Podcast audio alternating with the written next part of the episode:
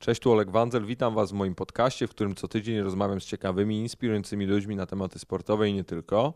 A dziś moim gościem jest Andrzej Wrona, siatkarz Oniko Warszawa oraz reprezentacji Polski. Jak wiadomo, Andrzej jest dobrym siatkarzem, ale przede wszystkim jest także dobrym człowiekiem i mam nadzieję, że sami przekonacie się o tym słuchając tego odcinka. Dlatego bez większej zwłoki zapraszam Was na moją rozmowę z Andrzejem.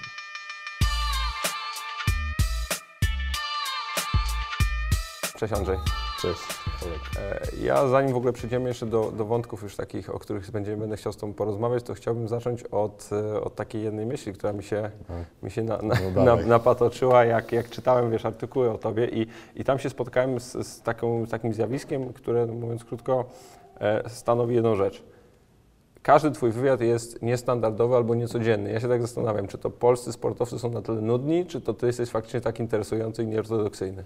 Wiesz co, to chyba zależy od y, obu rozmówców, czyli od dziennikarza, który, który przeprowadza wywiad y, i, i ode mnie trochę i od tych sportowców innych, E, bo, bo nie wszystkie moje wywiady są fajne i nie wszystkie są ciekawe. Jeżeli odpowiadam tysiąc razy na te same pytania, to, to klepię po prostu formułki, już nawet nie myślę nawet o tym, co, co odpowiadam e, czasami. No ale to myślę, że Ameryki tutaj nie odkryłem. Jeżeli dziennikarz zadaje ciekawe pytania, to, e, to też mi jest łatwiej powiedzieć coś ciekawego, interesującego dla, dla czytelnika. E, ja bardzo szanuję dziennikarzy i kibiców, którzy potem czytają czy oglądają te wywiady.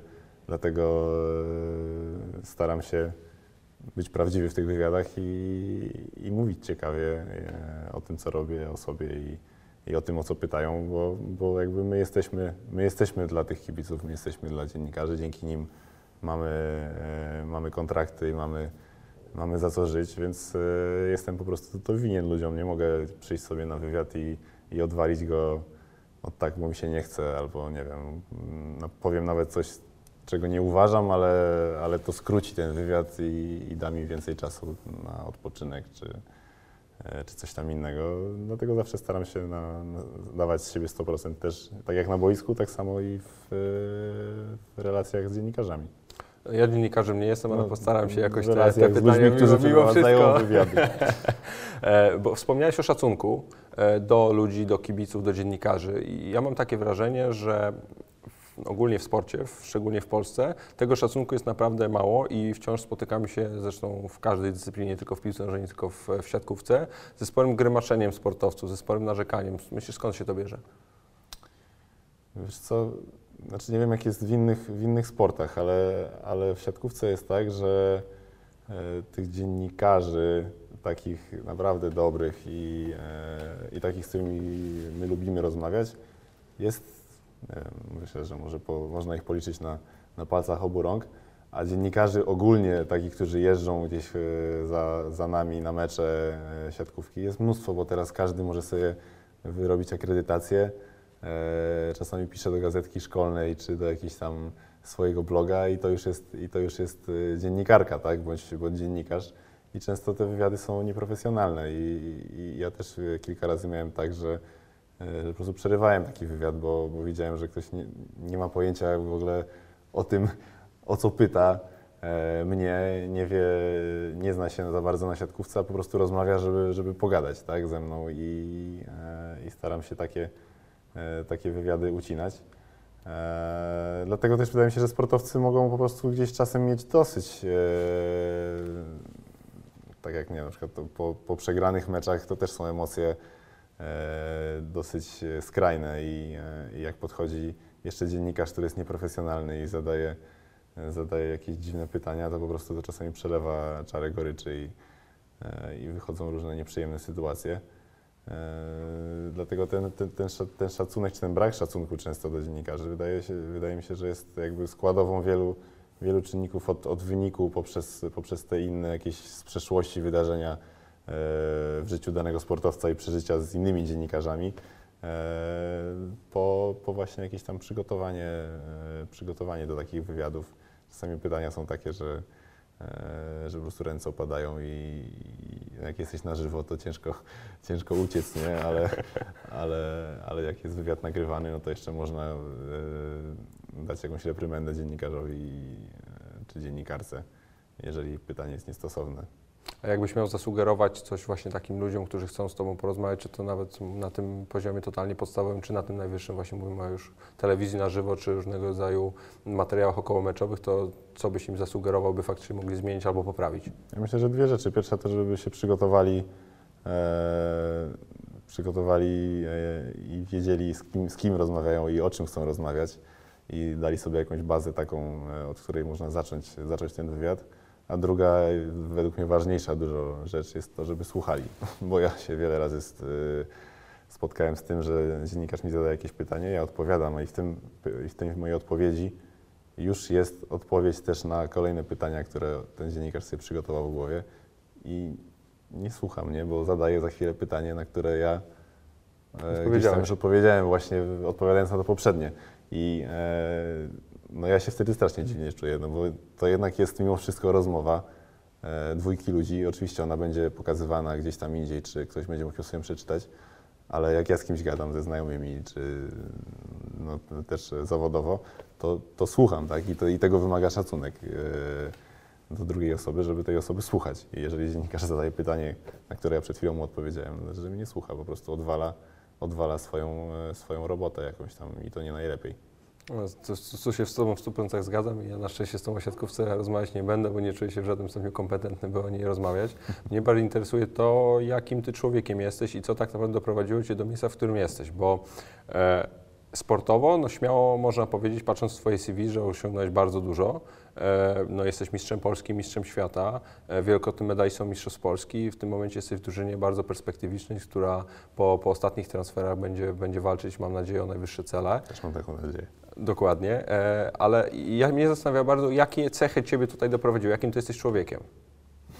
Wiesz co, wydaje mi się, że trzeba było pytać ludzi, którzy gdzieś tam się ze mną męczą przez te wiele lat i prywatnie, i, i zawodowo. E, no pewno jestem strasznie upartym człowiekiem, a upór w sporcie to jest jedną z najważniejszych cech, bo jednak tych dni takich sukcesu i chwały, gdzie się odbiera te medale, czy stoi się na podium, to w naszym życiu przez te, no ja gram 18 lat w siatkówkę, a wydaje mi się, że może 10 takich dni było, gdzie są te finały, gdzie odbiera się medal, puchar, e, tak, czy Mistrzostwo Świata, no to jest, to jest kilka dni tak naprawdę przez te 18 lat ciężkiej charówy. I gdyby nie upór, e, gdyby nie chęć jakby poprawiania siebie po, po porażkach, których jednak jest dużo więcej niż tych sukcesów. E, tych porażek takich e, też na treningach, tak? No bo jednak walczymy sami ze sobą. E, to, czego kibice nie widzą, to te porażki na treningach, gdzie jakaś tam akcja nie wychodzi po kilkadziesiąt razy czy kilkaset razy i, i trzeba cały czas się poprawiać i dążyć do tego, żeby w końcu robić coś e, na takim poziomie, jak, jakby się to od siebie wymagało, żeby to wyglądało. E, to, to bez tego uporu tego nie ma. Ja też jestem ciężkim człowiekiem chyba do życia, bo ja lubię mieć rację i, i, i mi jest ciężko. To nie taka zła cecha ogólnie. Znaczy, to, no, to na pewno zależy, tak? O, oczywiście jak ze wszystkim, ale, ale ja lubię mieć rację i ciężko, ciężko jeżeli jestem przekonany, że, że mam tą rację, a często jestem, to ciężko mnie od tego odwieść. Ale też może dzięki temu gdzieś tym swoim życiem sportowym tak kieruję, mimo wielu oczywiście doradców, e, bo to zawsze tych doradców jest wiele, jest e, kilkoro ludzi, których, których tak naprawdę zdanie się liczy dla mnie najbliżsi, tak, rodzina, e, czy jacyś najlepsi fachowcy, ale, ale rzeczywiście ja gdzieś tam, jak czuję w środku, że, że jednak to nie jest dobra droga, że ta droga, którą ja sobie wybiorę, będzie dla mnie lepsza, to, to ciężko jest mnie, mnie od tego odwieść. I tak już jest, tak jest praktycznie od początku, od kiedy pamiętam i odpukać jeszcze się na tym nie, nie przejechałem. A jak sobie radzisz w tych momentach, kiedy no jest ciężko, kiedy powtarzasz któryś raz ten, ten manewr, czy ruch, czy zagranie i ono faktycznie nie wychodzi? No ja też sam pamiętam jeszcze z moich czasów zamieszłych boiskowych, tak, gdy, gdy u nas tak naprawdę te detale e, liczyły się najbardziej tak, i się bardzo zastanawiam właśnie, jak sobie radzisz wtedy, kiedy no, coś Ci nie idzie, kiedy nie potrafisz sobie z tym poradzić, kiedy po raz kolejny powtarzasz coś, co, co po prostu nie jest tak, jakbyś chciał i ten perfekcjonizm Cię w pewnym sensie zabija. Co czasem chyba trzeba po prostu zrobić sobie chwilę przerwy, usiąść, e, napić się izotonika i, i, i wziąć głęboki oddech, bo to, bo to jest frustrujące. To jest naprawdę, jak się coś próbuje zrobić e, i, i to nie wychodzi e, godzinami, to, no to nie jest to najprzyjemniejsze uczucie, więc czasem po prostu trzeba chyba odetchnąć, usiąść sobie chwilę, pogadać nawet na, na, na czasie o czymś, o czymś innym i chwilowo może oczyścić ten umysł i po głębokim wdechu wejść, znowu skoncentrować się i, i próbować od początku i też no, zastanowić się, dlaczego to nie wychodzi, tak? No też nie można robić, nie można walić głową o ścianę i, e, e, i, nic nie zmieniać, tak? To trzeba jednak e, dążyć do tego, żeby, żeby znaleźć ten, tą przyczynę, dlaczego, dlaczego to nie idzie. No, od tego są oczywiście też trenerzy dookoła, czy, czy koledzy, którzy często widzą z zewnątrz lepiej niż, niż ja czuję na przykład, e, dlaczego coś nam nie wychodzi. W grze zespołowej też jest wiele punktów widzenia zawsze i, e, i, to, i to jest fajne, że można zawsze to skonsultować na szybko, tak? I, e, i jakby to zdanie ludzi dookoła e, wziąć, wziąć do siebie i, i, i próbować dalej, no, do- dopóki aż, aż, aż nie wyjdzie. A potrafisz słuchać? Bo ja na przykład miałem z tym mega, mega zajebisty problem, że ktoś mi mówił pewne rzeczy, a ja i tak uważałem inaczej, albo nie potrafiłem tego dostrzec, albo w tam- danym momencie już byłem na tyle sfrustrowany, zirytowany, wkurzony, że no, nie słyszałem tego, co się do mnie mówiło wtedy. Potrafię, potrafię słuchać ludzi, którzy mają autorytet, tak? I którzy, którzy rzeczywiście wiedzą, co mówią, znają się na tym. Jak radzi mi taka osoba, która e, jest dużo bardziej doświadczona w siatkówce i, i wiem, że, to, że warto takiej osoby słuchać, to ja naprawdę potrafię słuchać i i jednak wiele takich osób e, gdzieś tam na swojej drodze spotkałem, które, które mi pomagały i, i które mi dawały dużo cennych, cennych uwag, ale też trafiłem na takie osoby, których po prostu nie chciałem słuchać, bo, no bo w mojej opinii nie były aż takimi autorytetami i, i, z takimi jakby uwagami mam problem od takich osób. E, takich ludzi nie potrafię słuchać, nie lubię słuchać.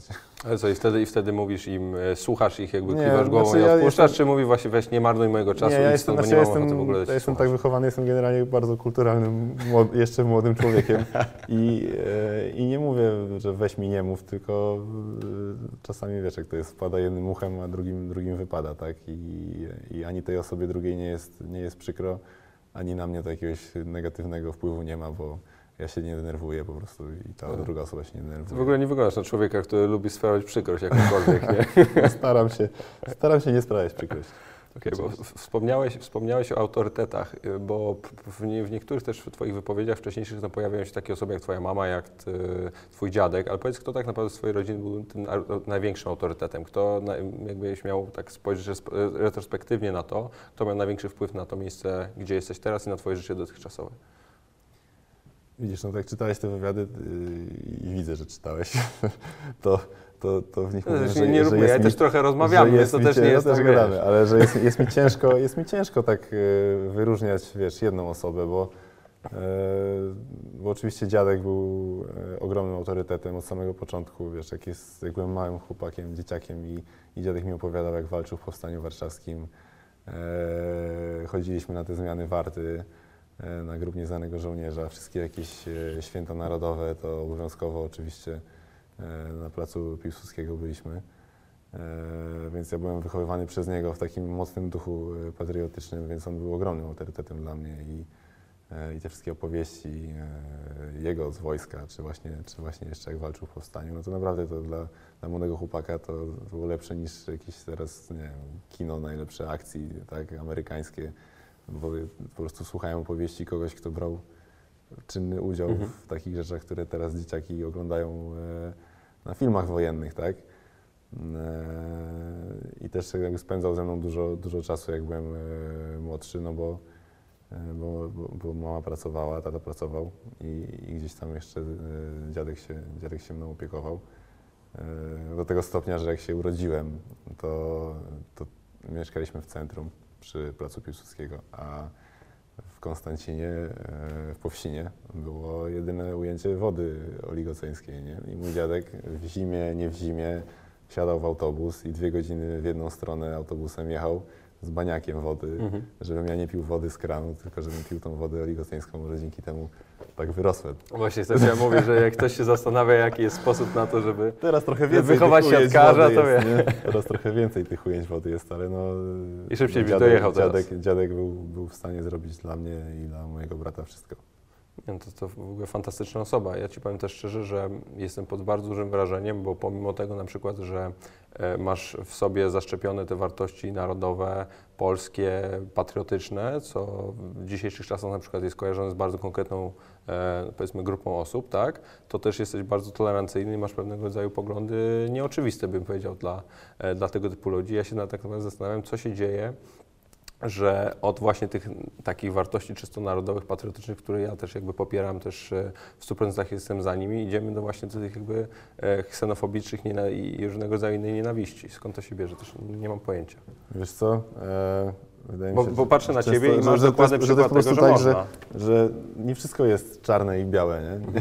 w życiu i- ja tak uważam. Że mało co jest tak naprawdę. Mało co jest i jest jednak wiele tych odcieni tej szarości, a, a wiele ludzi jednak jest, ma takie dosyć skrajne poglądy i, i, i znowu wracamy chyba do tego braku e, jakby do tego niesłuchania innych, tak? Bo jak ktoś e, idzie w zaparte, po prostu ma te swoje jakieś tam poglądy, e, których się trzyma i kompletnie nie słucha ludzi dookoła i e, jakby ma te klapki takie jak ten koń na wyścigach i, i, i idzie po prostu w zaparte ze swoimi poglądami, to, to, to nie wychodzi chyba nic dobrego z takich, y, z takich rzeczy. Warto, warto jest słuchać i warto jest się otwierać na inne, na inne poglądy i, i warto rozmawiać z ludźmi, którzy mają inne poglądy, nie kłócić się, tylko bo mnie na ciekawi to, tak? Dl- No, dlaczego inni mają y, inny punkt widzenia na daną sprawę i to we wszystkim, to nie musi być, nie wiem, czy w jakichś tam e, politycznych sprawach, czy sportowych, ale we, wszystkim dosłownie można,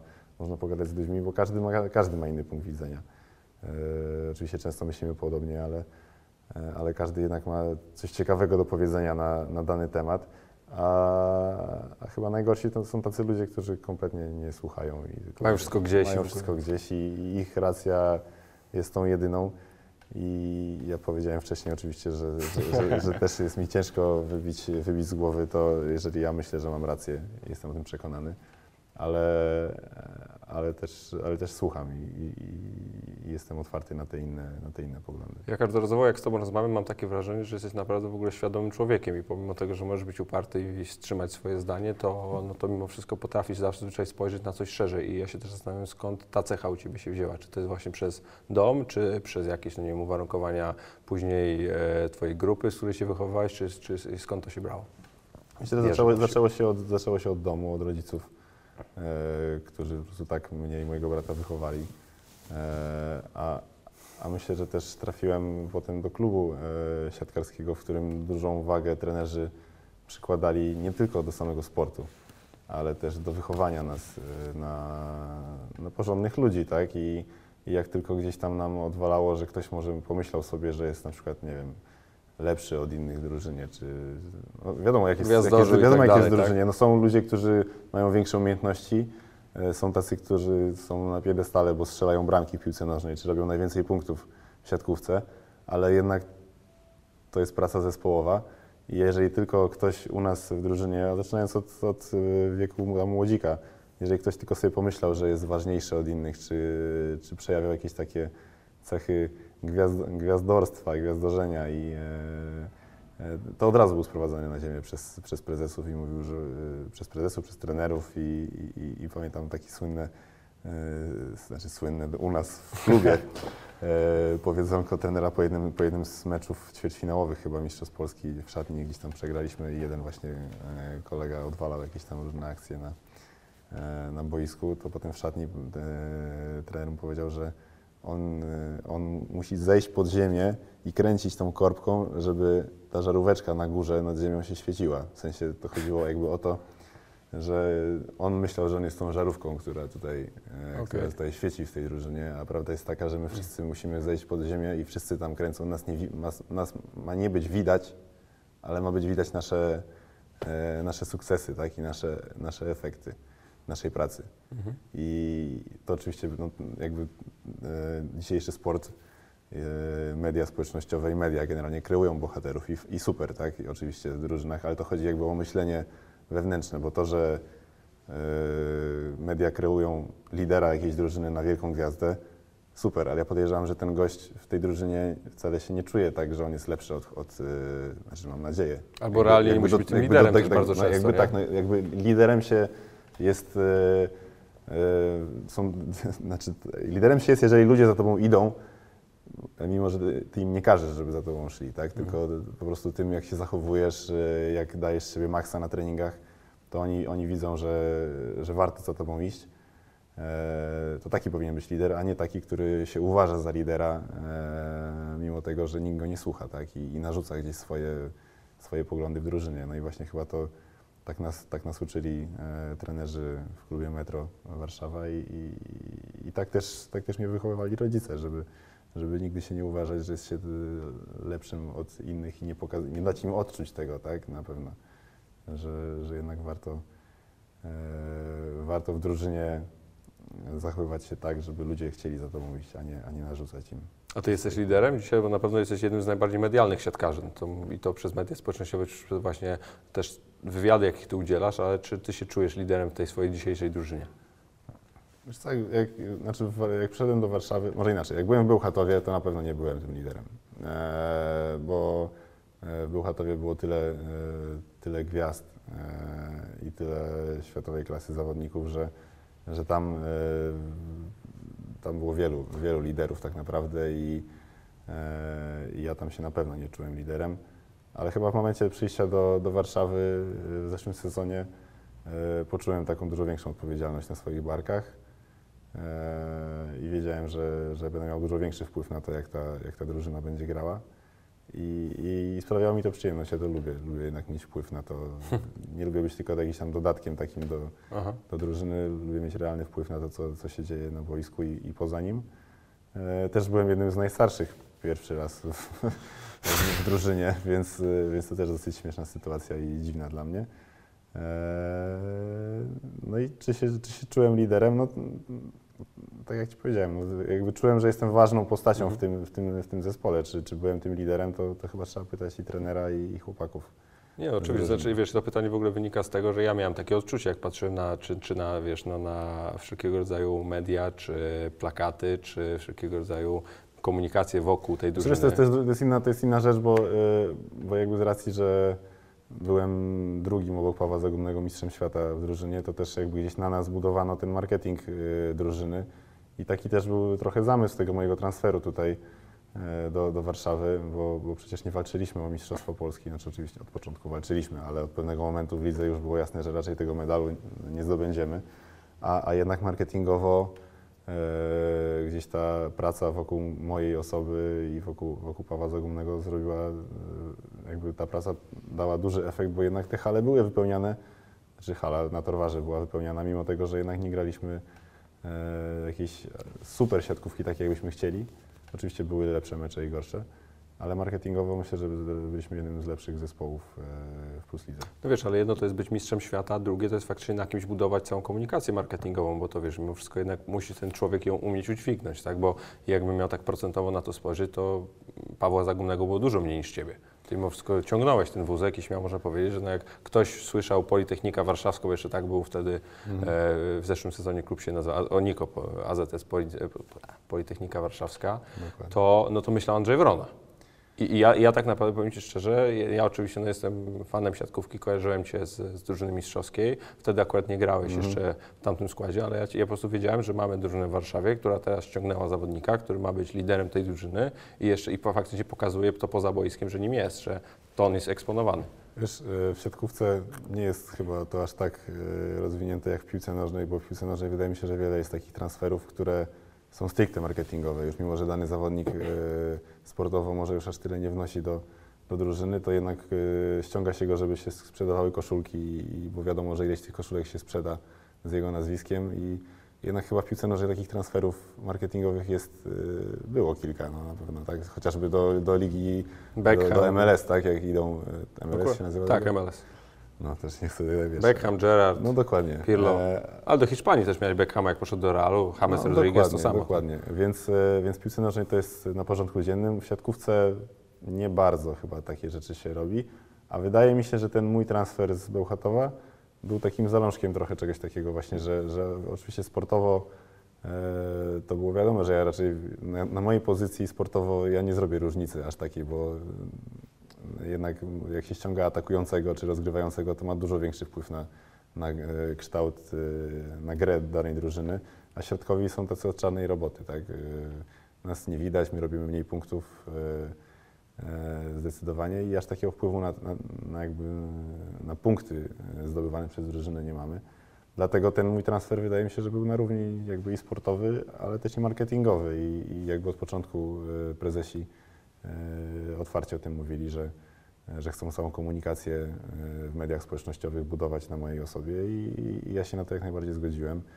E, Wiem, że gdzieś tam wszędzie, wszędzie jest mnie pełno, nie tylko pod względem sportowym, ale, e, ale też biorę udział we wszelakich e, projektach, e, o których jest tam e, czasem jakaś wzmianka w różnych mediach. Czasem jakaś wzmianka. Czasem jakaś wzmianka. I, I przez to też mnie ludzie kojarzą tacy, którzy, którzy tej siatkówki nie oglądają. E, Kampania sponsora reprezentacji przez sprzed dwóch lat, która... Reklamowałeś piłkę nożną wtedy. która, tak, no, tak było, która, która e, ta kampania praktycznie sprawiła, że no już wszyscy nas kojarzyli, tych, którzy byli w tej kampanii. I jednak siatkówkę ogląda dużo osób. Oczywiście finał Mistrzostw Świata oglądało tam wiele milionów ludzi, ale jednak takie mecze ligowe e, co tydzień to, to jest e, oglądalność rzędu, nie wiem, 300-400 tysięcy. To dla piłki nożnej to jest słaby wynik, a, a, u nas, e, a u nas takie oglądalności to już naprawdę hitowe, hitowe mecze mają. No to powiem Ci, E, więc e, jak, jak to jest w skali całego kraju, tych 40 milionów, e, no raczej jest to mały, mały procent. A reklamy, które lecą w głównych stacjach co pół godziny, co 15 minut, po dwie po prostu w, ram, w, jednej, w jednej przerwie reklamowej i cały czas gdzieś tam ta nasza twarz się, moja czy Karola, e, pojawiała wszędzie na billboardach. No chyba była to jedna z większych kampanii. E, Zresztą no, sie- sieci komórkowe mają zawsze chyba największe, największe te kampanie. No i dzięki temu, jak zamawiałem jedzenie do, do domu, to pan przychodził i mówił, a to pan jest tym gościem z reklamy, a nie, że ja jestem tym siatkarzem. właśnie mi odpowiedzieć na pytanie, bo chciałem się zapytać, Ciebie zapytać, czy gotujesz, ale też wiem, że nie gotujesz. No. Nie, nie gotuję. Nie gotuję, ale, ale brałem udział w, w projektach, w których e, gotowałem. Znaczy próbowałem gotować jakieś tam jakieś zawody kulinarne, charytatywne, e, gdzie z Przemkiem Saletą. I, A to bardziej celebryta, czy bardziej siatkarz? No to, to jest pytanie, które po prostu już słyszę teraz non-stop przy musiałem, musiałem. Ja się nie czuję celebrytą, nie czuję się, broń Boże, gwiazdą żadną, mimo że gdzieś tam brałem udział w, program, w programie Kuli, Gwiazdy gotują chociażby, tak? I to się tylko tak na, nazywa fajnie. Ja, ja się czuję przede wszystkim siatkarzem i, i powtarzam we wszystkich wywiadach, że siatkówka zajmuje mi 80-85% mojego życia.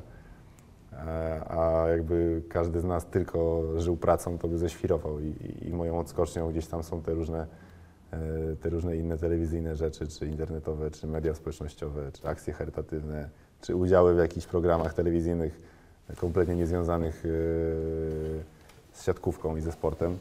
I mnie to bawi, to jest, to jest, mój, rela, to jest mój relaks i to naprawdę jest tylko 15% mojego życia.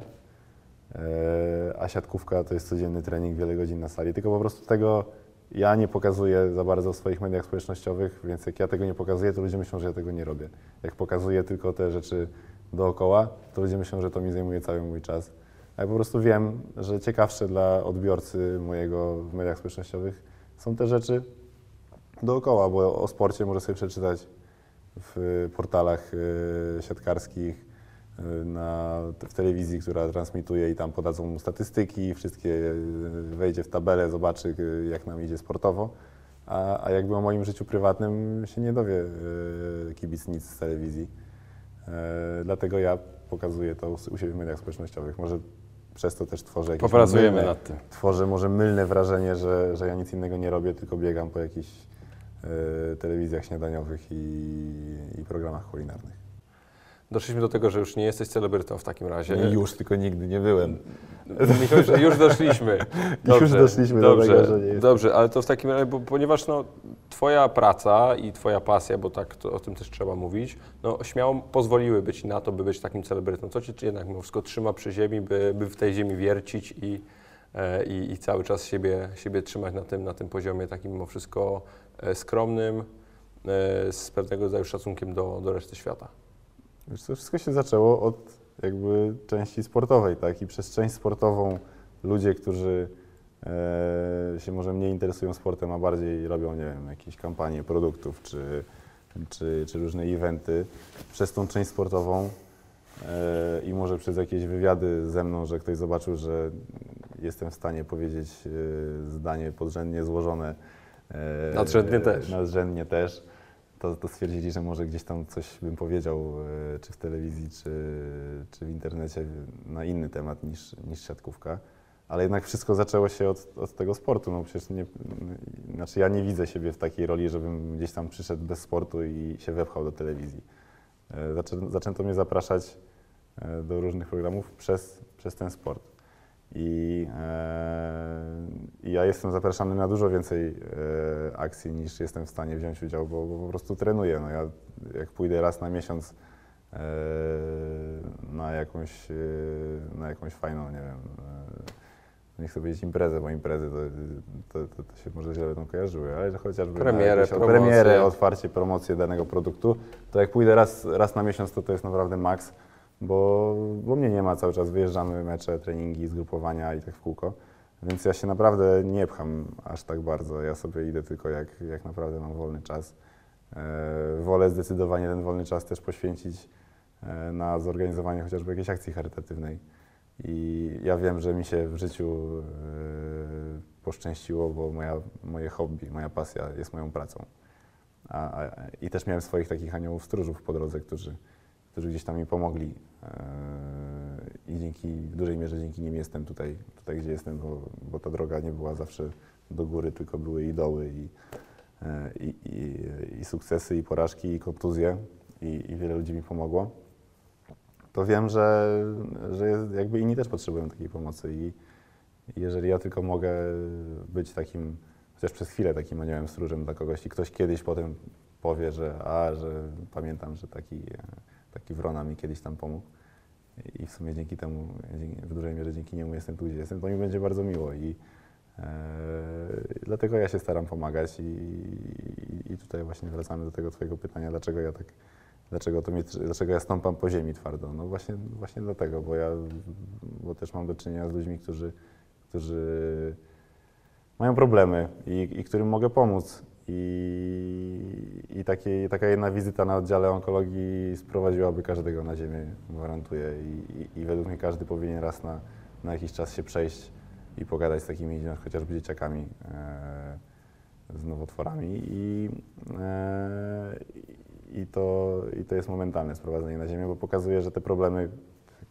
rzeczy, które się wydają dla nas problemami, tak naprawdę problemami nie są, bo, bo, bo tam są problemy tych szpitalach. No nie, jak chodzimy po ulicach, to, to nie widzimy e, tych naprawdę chorych i tych naprawdę potrzebujących, bo, bo ci naprawdę chorzy i potrzebujący są pozamykani na oddziałach i trzeba się tam naprawdę przejść, pofatygować do nich, żeby, żeby zobaczyć, jakie ludzie mogą mieć problemy. I, i dlatego ja twardo stąpam po ziemi i, i jakieś tam takie, jak to nazwać, celebryckie rzeczy traktuję mocno z przymrużeniem oka i, e, i tylko jakąś tam chwilową odskocznię może i, i dla fanu takie rzeczy robię, bo, bo po prostu twardo stąpam po ziemi chociażby dzięki, dzięki tym, tym, tym akcjom charytatywnym. Właśnie, bo dlatego też zadałem to pytanie, ponieważ niedawno już jakby no, nie, nie w formie wideo, ale mieliśmy okazję rozmawiać na temat właśnie tej perspektywy i tego, w jaki sposób e, Ty patrzysz na, na, na rzeczy inaczej po właśnie takich wizytach. I powiem Ci szczerze, mnie to by też bardzo zainspirowało i, i w pewnym sensie pchnęło też do różnego rodzaju tego typu działań, ponieważ no, od tego czasu też staram ja się na przykład e, różnego rodzaju opcje charytatywne szukać. Też zacząłem z moją mamą o tym więcej rozmawiać i powiem Ci szczerze, że to jest dla mnie też bardzo taki temat, który mnie rusza, ponieważ no, obaj mamy sytuację taką, że nam się, tak jak powiedziałeś, poszczęściło, albo po prostu jakąś ciężką pracą, czy, No, czy uwarunkowaniami jest wszystkiego po trochu. Dokładnie, tak. jesteśmy w tym miejscu, w jakim jesteśmy. Ja mam naprawdę takie e, bardzo silne przekonanie, że realnie możemy coś zrobić, nawet jeżeli nie mówię tutaj o skali makro, czyli no, że, że nagle po prostu zastopujemy głód na, na świecie, tak jak to No się zwykło mówić, tylko że mi się wydaje, że jeżeli na koniec dnia mm, jednemu fizycznie dziecku czy osobie będziesz w stanie pomóc i, i jego życie przez to, że ty się w nie zaangażowałeś, stanie się lepsze, to jest chyba tak naprawdę najfajniejsza rzecz, jaka, jaka się może wydarzyć. No, a w, idąc do pytania, bo tak No, no. naprawdę ten monolog był trochę dłuższy niż planowałem, jakby jaki jest w ogóle twój taki cel, e, który ciebie napędza e, w, tym, w tej działalności charytatywnej, bo mimo wszystko coś pewnie chciałbyś w tym osiągnąć. Wiesz co, to, to się osiąga jakby co, co chwilę tak naprawdę. Uśmiech, uśmiech dziecka, któremu się sprawi niespodziankę urodzinową. Eee, e, nie wiem, no nieraz kiedyś dzwoniłem do, do lewego, tak, przez FaceTime, bo chłopak y, na oddziale Mhm. miał, miał urodziny i miał marzenie, żeby się z nim spotkać. No wiadomo, Odebrał? To raczej jest, odebrał, mimo że to też była taka dosyć niekomfortowa chyba wtedy sytuacja dla niego. E, ale odebrał, pogadał chwilę z tym, z tym chłopakiem i, i uśmiech tego, to, to jest jakby, to jest cel, uśmiech tego dziecka, bo ciężko, ciężko jest pomóc wszystkim i ciężko jest zrobić tak, żeby wszyscy wyzdrowieli, tak. Ja akurat się skupiłem na tym oddziale, bo, bo nie da się pomóc wszystkim. Ja sobie wybrałem ten oddział. E, e, dzieci z, z, rakiem, e, z rakiem kości ale no jakby ja wybrałem ich, e, ale też stworzyłem razem z Karolem Kłosem i Dawidem Konarskim portal pomagam.pl i to jest portal crowdfundingowy i tam, i tam są różne zbiórki już na wszelakie cele i charytatywne i nie tylko. Bo, bo ludzie piszą do mnie, jak można, szczególnie po jakiejś tam takiej akcji, który, o której jest głośno, jak chociażby to jak jeździłem taksówką po Warszawie i zbierałem pieniądze, to potem ludzie się pytają, jak można pomóc, co ja mam zrobić, ja chcę pomóc, jak mam pomóc. I ja mówię, to jest bardzo proste. No nie, nie, trzeba, jakby nie trzeba robić tego aż na taką skalę, jak ja to robię, że gdzieś tam chodzić po oddziałach czy organizować wielkie akcje.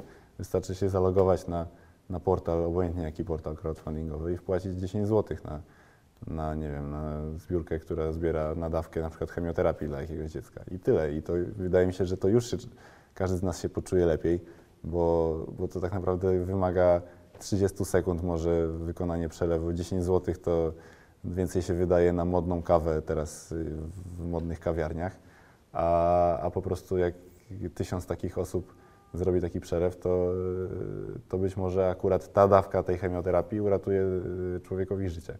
Więc naprawdę to nie jest, to nie jest jakaś czarna magia, to pomaganie. To, to tylko trzeba chcieć i, i można zacząć naprawdę od takich małych, małych rzeczy.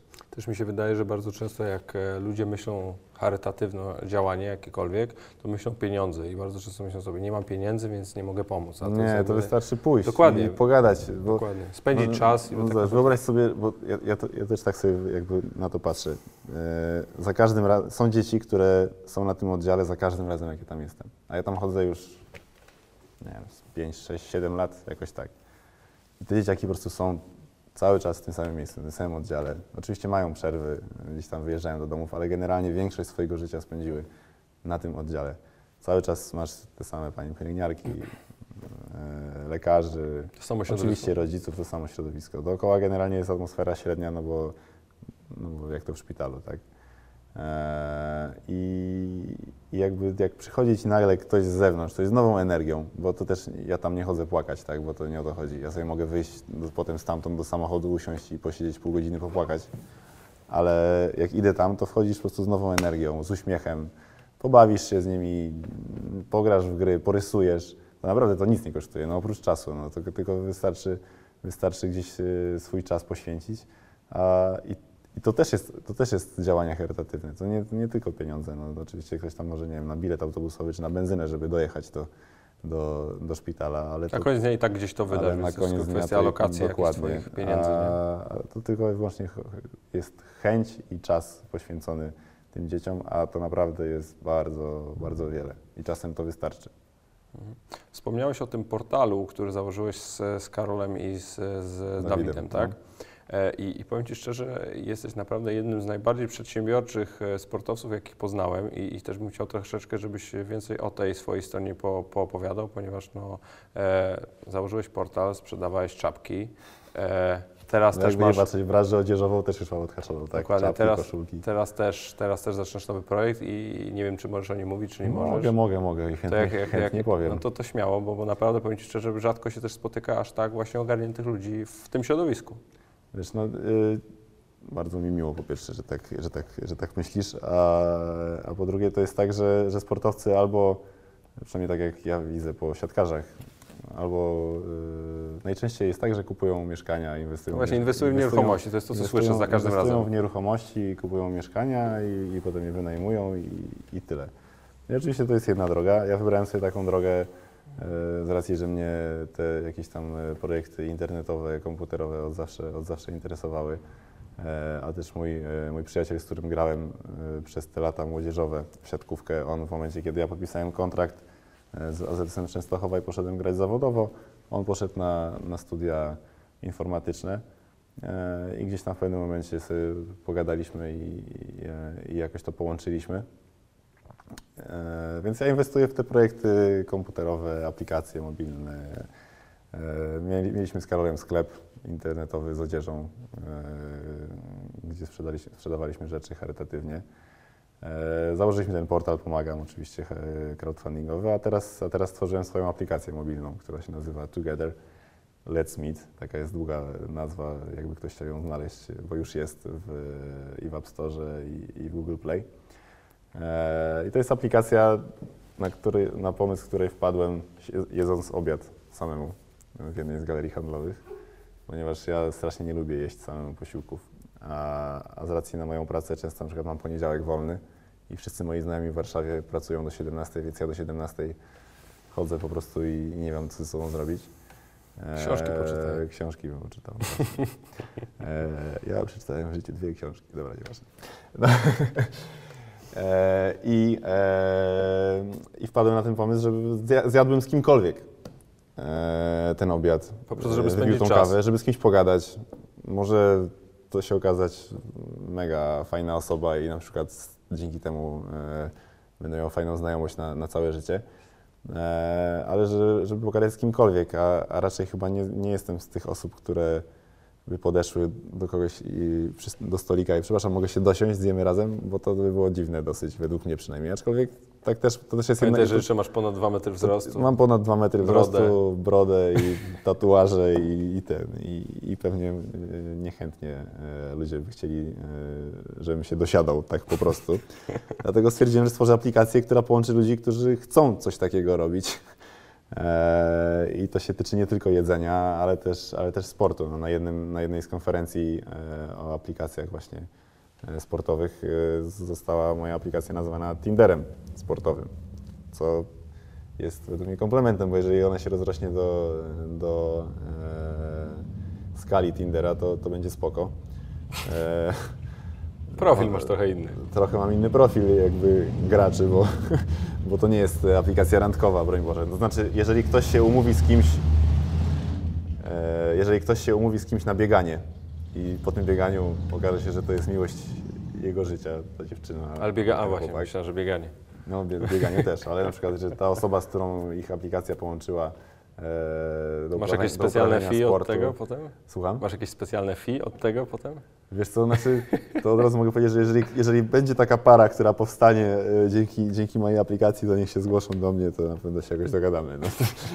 E, ale, ale rzeczywiście, e, czy przez sport, czy przez na przykład czekanie na lotniskach, na, na dworcach, gdzie tego czekania jednak jest dużo, a, a często podróżują ludzie sami i spędzają 6-7 godzin na lotnisku, to, to może po prostu wtedy się zalogować na, na Together i i znaleźć osoby na lotnisku, które też czekają i chcą zjeść na przykład razem obiad, czy napić się kawy. E, oczywiście wszystkie sporty, e, można, nie wiem, no, wiem w jakim kraju żyjemy, więc stworzyłem też profil taki jak alkohol, żeby można było się umówić. Masz po- zablokowaną tę funkcję? po.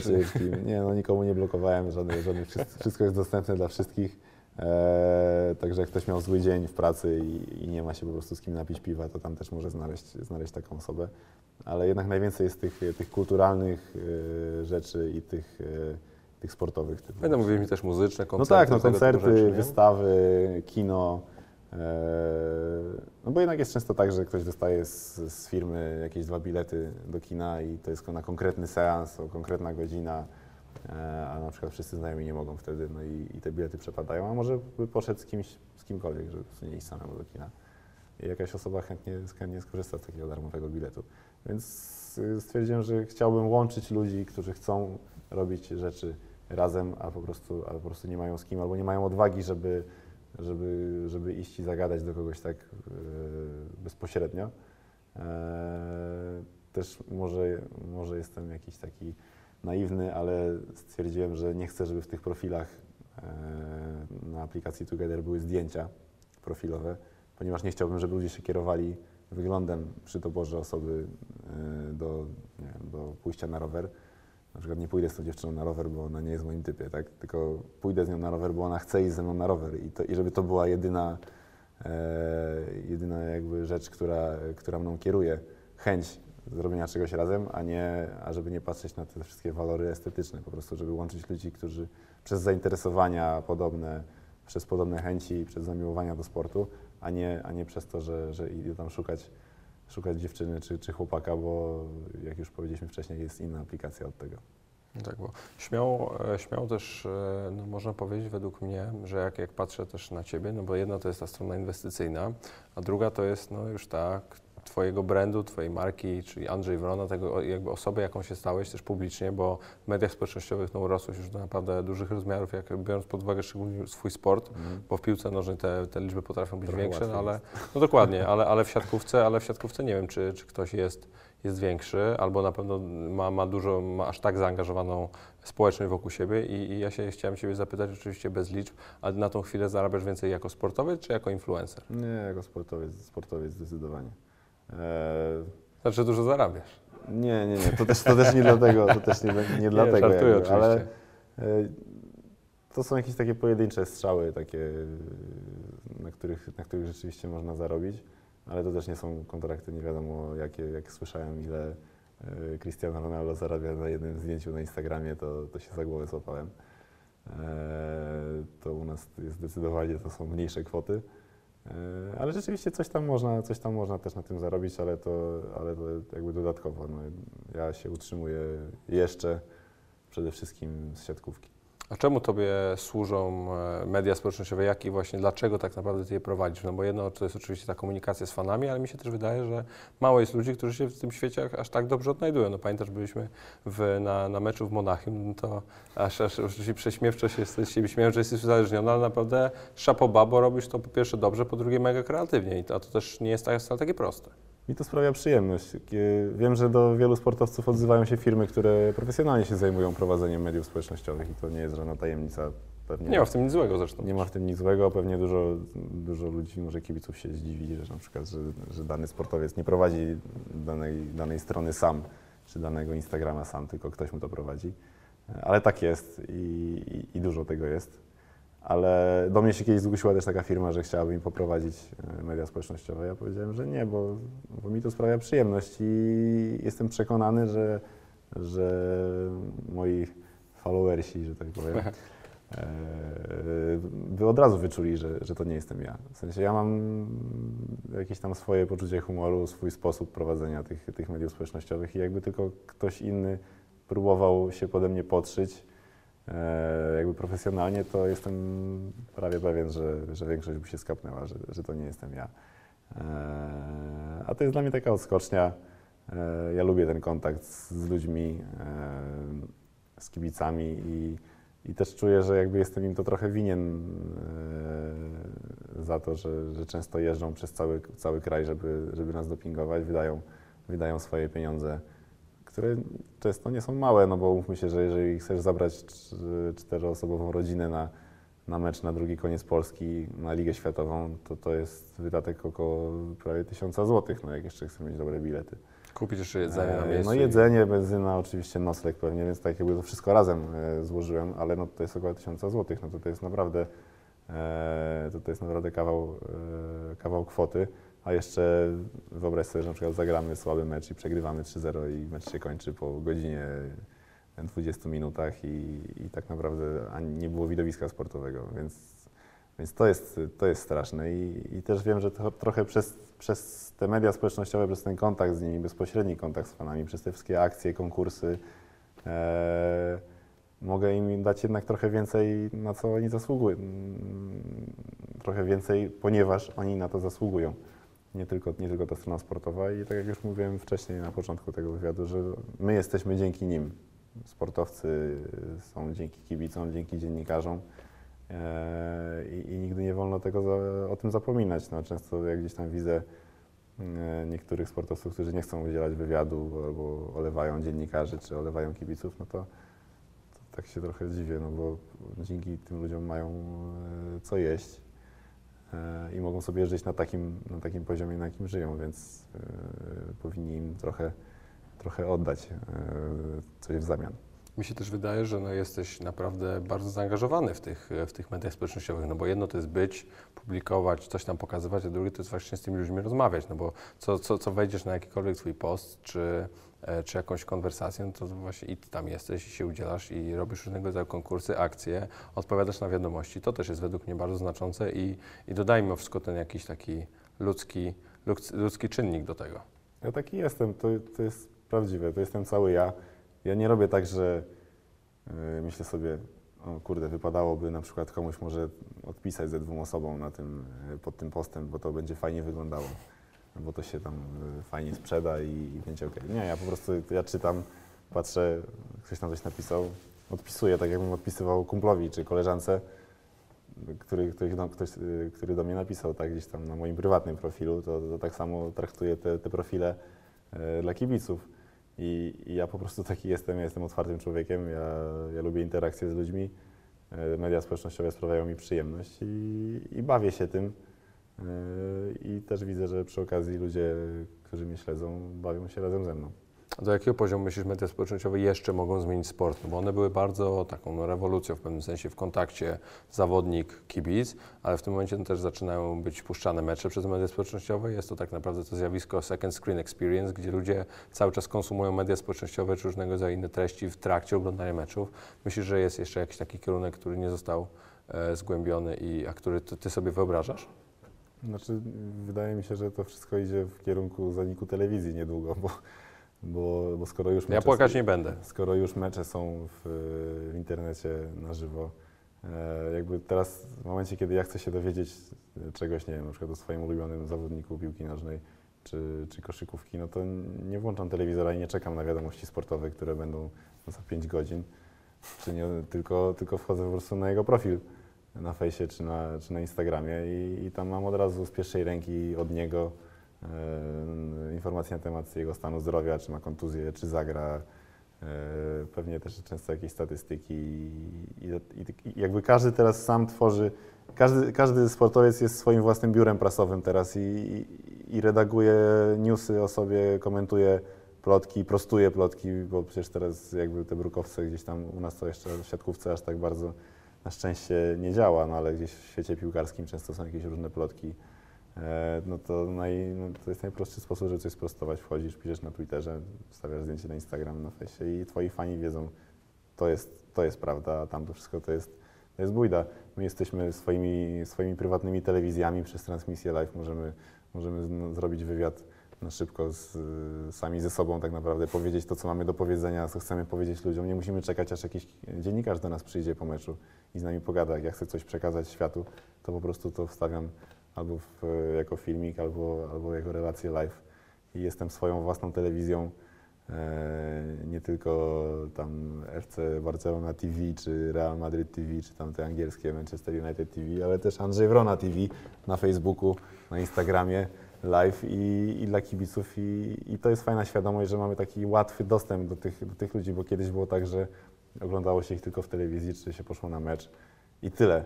Potem w gaz, gdzieś w przeglądzie, czy w innych gazetach można było poczytać trochę jakiś wywiad, a, a teraz te wszystkie gwiazdy są na dwa kliknięcia kciukiem na, na smartfonie, tak? I, I można mieć wrażenie, jakby się z nimi gadało na relacji live, zadajesz mu pytanie, pytanie i jesteś dziennikarzem automatycznie, nie wiem, jakby LeBron James zrobił e, relację live, no to mogę mu zadać pytanie i on może jest duża szansa, że na nie odpowie, skoro On zresztą ma odpowiada. cały biznes, który się w tym specjalizuje, by the way, nie? To się nazywa Uninterrupted i to jest platforma, w którą on stworzył dla zawodników, e, różnego rodzaju Mhm. swoich kumpli z ligi NBA i z innych sportów amerykańskich, gdzie oni tak naprawdę właśnie w tej takiej w pierwszej osobie, we własnej narracji mogą odpowiadać, czy się ustosunkować do różnego rodzaju rzeczy, więc jakby perfekcyjny przykład i lepszego chyba nie mogłeś. No dokładnie, więc podać. jesteśmy sami swoją telewizją, biurem prasowym i, i, to jest fajne w tych czasach. Bo powiedziałeś Andrzej Wrona TV. E, ja mam do Ciebie tak naprawdę jedno pytanie, no bo nie będziesz grał w siatkówkę całe życie. I co chcesz robić po? Jaka jest Twoja przyszłość? I, I tutaj, zanim jeszcze odpowiesz na moje pytanie, to od razu apel i tak się zgłaszam. Nie masz prawa zostać trenerem, działaczem albo Nie, kimkolwiek takim. Ty nie, musisz nie. iść do rozrywki, ty się w tym sprawdzisz i jakby Nie, to nie, jest Twój ja- kierunek. No. Ja nie chcę, nie chcę być trenerem, nie chcę być trenerem, nie chcę być działaczem. Yy, chcę działać, ale, ale właśnie ja lubię telewizję bardzo. Aczkolwiek przed chwilą mówiliśmy, że prawdopodobnie niedługo jej nie będzie, ale ją lubię. Yy, lubię media yy, szeroko pojęte, więc, więc chciałbym gdzieś, gdzieś w tych mediach może, może się zahaczyć i, i pracować z ludźmi przede wszystkim dla ludzi, bo, bo mi to sprawia największą przyjemność. A tak naprawdę życie pokaże. No ja jakieś tam swoje plany po cichu mam, też te wszystkie projekty internetowe, które robię, też bym chciał dalej, dalej to robić i, i dalej się tym zajmować. Eee, eee, ale, ale myślę, że telewizja czy media chciałbym, żeby były ważną częścią mojego życia na tak zwanej spo- sportowej emeryturze. No tak, ale, ale jedno to jest, y, że no masz te plany i tak dalej, ale, ale drugie to jest tak naprawdę, gdzie już zmierzasz, no ponieważ no, wykonałeś już bardzo konkretne kroki, no ale też jestem przekonany, że już jakiś, jakiś taki mimo wszystko bardziej konkretny plan masz, no bo jedno to jest, że cały czas grasz, jesteś w piku swojej kariery tak naprawdę, a drugie to, że no mimo wszystko już trzeba, trzeba chyba zacząć o tym myśleć, nie? Zgadza się, trzeba o tym myśleć i, i myślę też już od wielu lat robiąc, robiąc te wszystkie projekty, o których rozmawialiśmy, e, rozmawialiśmy dzisiaj. Też e, życie jest tak przewrotne, że czasami jeden dzień i jedno spotkanie jakiejś osoby na, na swojej drodze może kompletnie obrócić te plany i, i sprawić, że, że nagle stwierdzę, że po prostu będę robił coś innego, tak? I, e, i nie wiem, będę pracował w jakiejś firmie u, u kogoś albo stworzę jakąś firmę z kimś, kto ma fajny pomysł, e, a potrzebuje, nie wiem, mnie i moich kontaktów i no wiesz jak, wiesz jak to działa najlepiej, więc, Oczywiście. więc e, ja swój jakiś tam plan mam, który, który realizuję pomału e, w wolnym czasie.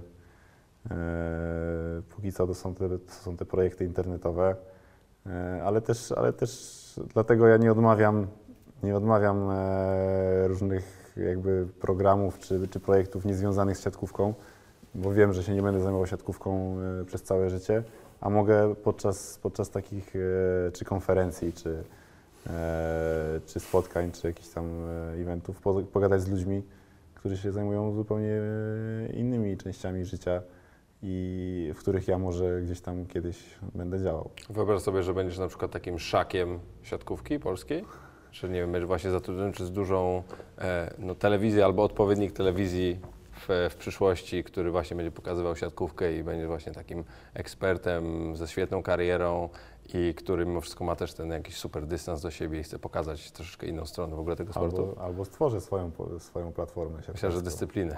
dyscyplinę. Nie, wiesz co, jak, jak najbardziej. No, y, ja już nawet miałem, miałem kiedyś taki pomysł, tylko ja nie mam czasu właśnie. To jest najgorsze, znaczy najgorsze. Fajne, bo gram w siatkówkę i, i, i w tym się spełniam. A ja mam dużo pomysłów, na które nie mam czasu. A nie chcę ich oddawać innym ludziom do robienia, bo, bo, wiem, że, bo wiem, jak ja bym chciał to zrobić. I, i mam mnóstwo pomysłów i, i czasami, czasami tam podrzucam y, znajomym, którzy gdzieś tam pracują, czy, czy w prasie, czy, czy w telewizji. E, No tylko ten mój brak czasu jest po prostu przeszkodą do tego, żeby realizować różne fajne projekty, a między innymi coś takiego jak, jak robi Szak, to, to, też, to też gdzieś tam było w, w, moich, w moich planach, żeby, e, żeby się zmierzyć. Nie wiem, czy ty widziałeś, e, Szak miał taki program w Stanach, w którym się mierzył z innymi sportowcami albo artystami Tak. w ich dziedzinach. Tak? Szak Miał- miał versus tydzień. to było chyba, tak? Tak, versus miał. No ja miałem taki plan właśnie, żeby, żeby się mierzyć e, z różnymi specjalistami w swoich dziedzinach w Polsce i żeby coś takiego zrobić, ale nie mam czasu.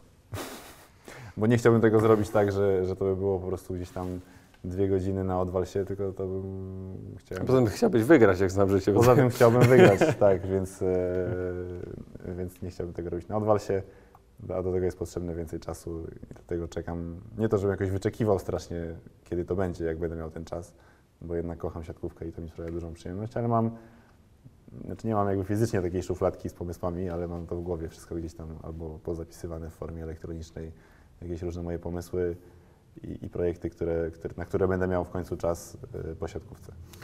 Mówisz po siatkówce i, i powiedz mi Znaczy jedno... po siatkówce, po No. sport tej aktywnej jakby części siatkówki, bo może będę w siatkówce dalej też. Mhm. Bo mnie tak naprawdę też zastanawia e, bardzo jedna kwestia i tak naprawdę nie przez lata, można powiedzieć, nigdy nie miałem odpowiedniej osoby w sumie, by się zapytać, bo to też ani nie był sportowiec z takim stażem, albo też nie tyle pewny siebie i w pewnym sensie świadomy. Mianowicie pytanie brzmi, brzmi tak. E, dlaczego sportowcy, szczególnie w Polsce, boją się mówić kariera sportowa? Mówią przygoda. Dlaczego? Nie mów mi, że ty też jesteś od przygody. Przygodę z siatkówką, Tak. karierę to miał Michael Jordan i to jest takie powiedzenie, No, ja- ja które, rozumiem, no właśnie. które po prostu mi, jak, jak tylko udzielam wywiadu i jest pytanie i mam powiedzieć, że no, że jak już skończę karierę, jak już mam powiedzieć karierę, to przez to, że jak byłem młodszy dużo, to ci starsi, ci starsi zawodnicy zawsze się śmiali, że karierę to miał Michael Jordan. E, I to słyszałem po prostu miliard razy. No ja właśnie też. I, i dlaczego? E, Jesteś mistrzem chyba świata, chyba mistrzem Polski. zależy od, od skali, wiesz? Zależy od skali, w jakiej się mierzymy, bo jak się ktoś będzie mierzył w skali światowej Michaela Phelpsa czy Michaela Jordana, który ma linię butów na, na cały świat i ten, no to karierę to miało parę osób, ma parę osób, tak? E, Z Polaków, no to co, lewy, tak, ze sportowców takiej ogólnej, żeby pojechać w dowolne miejsce na świecie i, i teraz nawet byłem na wakacjach daleko, E, i, i, i, i Pol- Polskę kojarzą przez lewego, tak? I, I to jest kariera. Dlatego jak się, z kim się porównujesz, no jak się będziemy porównywać z Jordanem, no to, to nikt nie ma kariery, tak? A, ale jak jakby na, na naszą skalę polską, no to myślę, że już można częściej używać tego sformułowania. Nie A trzeba- czujesz, że masz karierę się- sportową? Wiesz co, nie mam kariery sportowej, bo, bo jest mnóstwo chłopaków, którzy więcej mają tych trofeów. I jednak A nikt im nie zabrania są- też mieć tej kariery, jednak nie? To są, jednak to są, ale nie, mówimy kariera sportowa, ja, dla mnie to są osiągnięcia sportowe. Ja nie byłem nigdy główną, główną twarzą reprezentacji, e, znaczy twarzą, główną postacią reprezentacji, e, jeżeli chodzi Twarzą o, o, sportowe, o, sportowe, o sportowe osiągnięcia. Nie, byłem, nie miałem aż, tak, jakby, aż takiego wielkiego udziału, e, jakby patrząc z perspektywy kibiców oczywiście, e, w Mistrzostwie Świata, bo grałem tam w dwóch meczach może, czy trzech w całym turnieju. Mam, mam tych trofeów naprawdę, no, medali, mam jedno Mistrzostwo Polski. To co to jest na przykład przy e, ludziach, którzy mają tam 8 czy, czy, czy 9 tam, jak zdobywali z, ze Skrą Bełchatów chociażby. E, Pucharów niektórzy mają tyle Polski, że, że Piotr Rękacek ma chyba z 6 czy, czy 7. Ja mam dwa, z czego grałem tak naprawdę realny udział miałem w jednym, bo w moim pierwszym Pucharze Polski w pierwszym sezonie w Częstochowie to byłem trzy- trzynastym i za bandami oklaskiwałem kolegów. Więc y, sportowo jest dużo więcej y, chłopaków, którzy mają więcej, więcej osiągnięć, także y, oni jakby kariery takie, że i w klubie jesteś y, cały czas na topie, i w reprezentacji zdobywasz medale i jakby masz realny wpływ na to, na boisku, to wtedy można to traktować jako kariery. No jak przygoda, dla mnie to jest świetna przygoda. E, moja praca, dzięki której przeżywam tą przygodę, bo poznałem mnóstwo fenomenalnych ludzi. Zjeździłem pół świata dzięki siatkówce. E, I, I to jest fantastyczna przygoda, ale, no, ale kariery chyba nie mam. No. Dużo, osób, dużo osób ma według mnie sportowe kariery w Polsce i, i, i, jakby nawet ci starsi moi koledzy, chociażby Paweł Zagumny, no, nawet ostatnio nagrywałem, nagrywałem e, jakiś tam filmik dla niego, taki na pożegnanie, to, to powiedziałem, że on jest jednym z tych siatkarzy w Polsce, tych niewielu siatkarzy, którzy mogą mówić, że mieli kariery, no bo, bo on, jak się myśli, myślało o, siatku, o siatkówce przez te wiele lat, reprezentacji, no to pierwsze co to Paweł Zagumny, tak? I zawsze, wszędzie i w ogóle bezkonkurencyjny i jeden z lepszych na świecie, jak nie najlepszy e, na swojej pozycji w historii. Mhm. To myślę, że o mnie, mm, jak się zapytasz, najlepszy środkowy w historii, to raczej nie będę na liście top 10 żadnych, e, żadnych ekspertów sportowych. E, I to, jest, I to jest chyba wyznacznik tej kariery, Okej. bądź jej braku. Fair enough. No. Nie, nie, nie, nie powalczę z tą w takim razie. E, a powiedz mi, czy masz jakieś pasje poza siatkówką? Bo wiem, że nie masz czasu na te, na te nie, pasje, no, to, wiesz, ale nie czy... mam czasu. Mam, można zawsze dzięki tym chociażby mediom społecznościowym, czy internetowi, czy gdzieś tam rozwijać te pasje. Nie mogę, nie mam czasu, żeby pojechać sobie na tor i po, pościgać się e, samochodami, ale mam czas, żeby pooglądać Top Gear na przykład, tak? No bo to, to, tak można, takie zamienniki tych, e, tych pasji. No, nie, mogę, nie mogę pojeździć na nartach, co kiedyś uwielbiałem. E, od dziecka tak naprawdę jeździłem na nartach a teraz nie mogę ze względu na, na prawdopodobieństwo kontuzji, ale mogę sobie pooglądać y, filmy znanej firmy, filmy znanej firmy, która produkuje energetyki, która wysyła najlepszych ekstremalnych narciarzy, zrzuca ich z helikopterów i, i oni sobie gdzieś tam jeżdżą i to mogę oglądać i tym się interesować, więc y, chociażby takie, y, takie rzeczy, tak, motoryzacja, jestem wielkim fanem kina generalnie i, e, i seriali, ale nie, nie tych polskich, e, które lecą codziennie w, w największych stacjach, tylko e, teraz się wciągnąłem w taki serial The Hundred na przykład, nie wiem czy, Nie. czy znasz. Netflix, czy... Netflix oczywiście, wciągnąłem się i oglądam, pochłaniam na zgrupowaniu z racji, że nie mamy, nie mamy czasu za bardzo, ani siły na nic innego niż trening, jedzenie i spanie, no to jak leżę w łóżku i akurat nie śpię, to, to oglądam e, seriale. Także jakby ja też nie jest tak, że się ograniczam, że jak wchodzę, jak biegam gdzieś tam po internecie, to tylko po siatkarskich stronach, tylko, tylko staram się być na bieżąco ze wszystkim i, i interesować się też wszystkim, i nie, tylko, nie tylko sportem. Jeżeli chodzi o seriale, to ja bym Ci z kolei polecił taki, który się nazywa Peaky Blinders. Oglądałem. Świetny.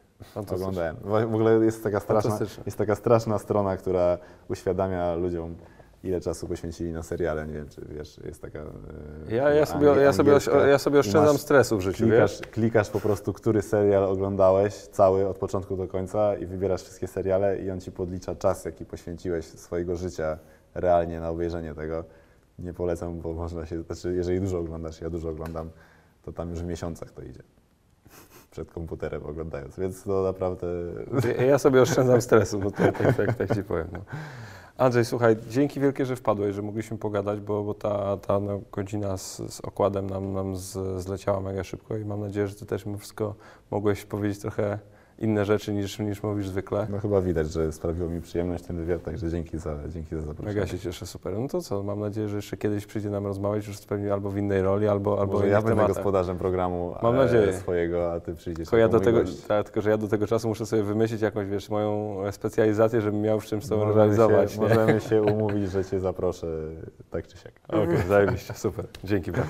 Dzięki.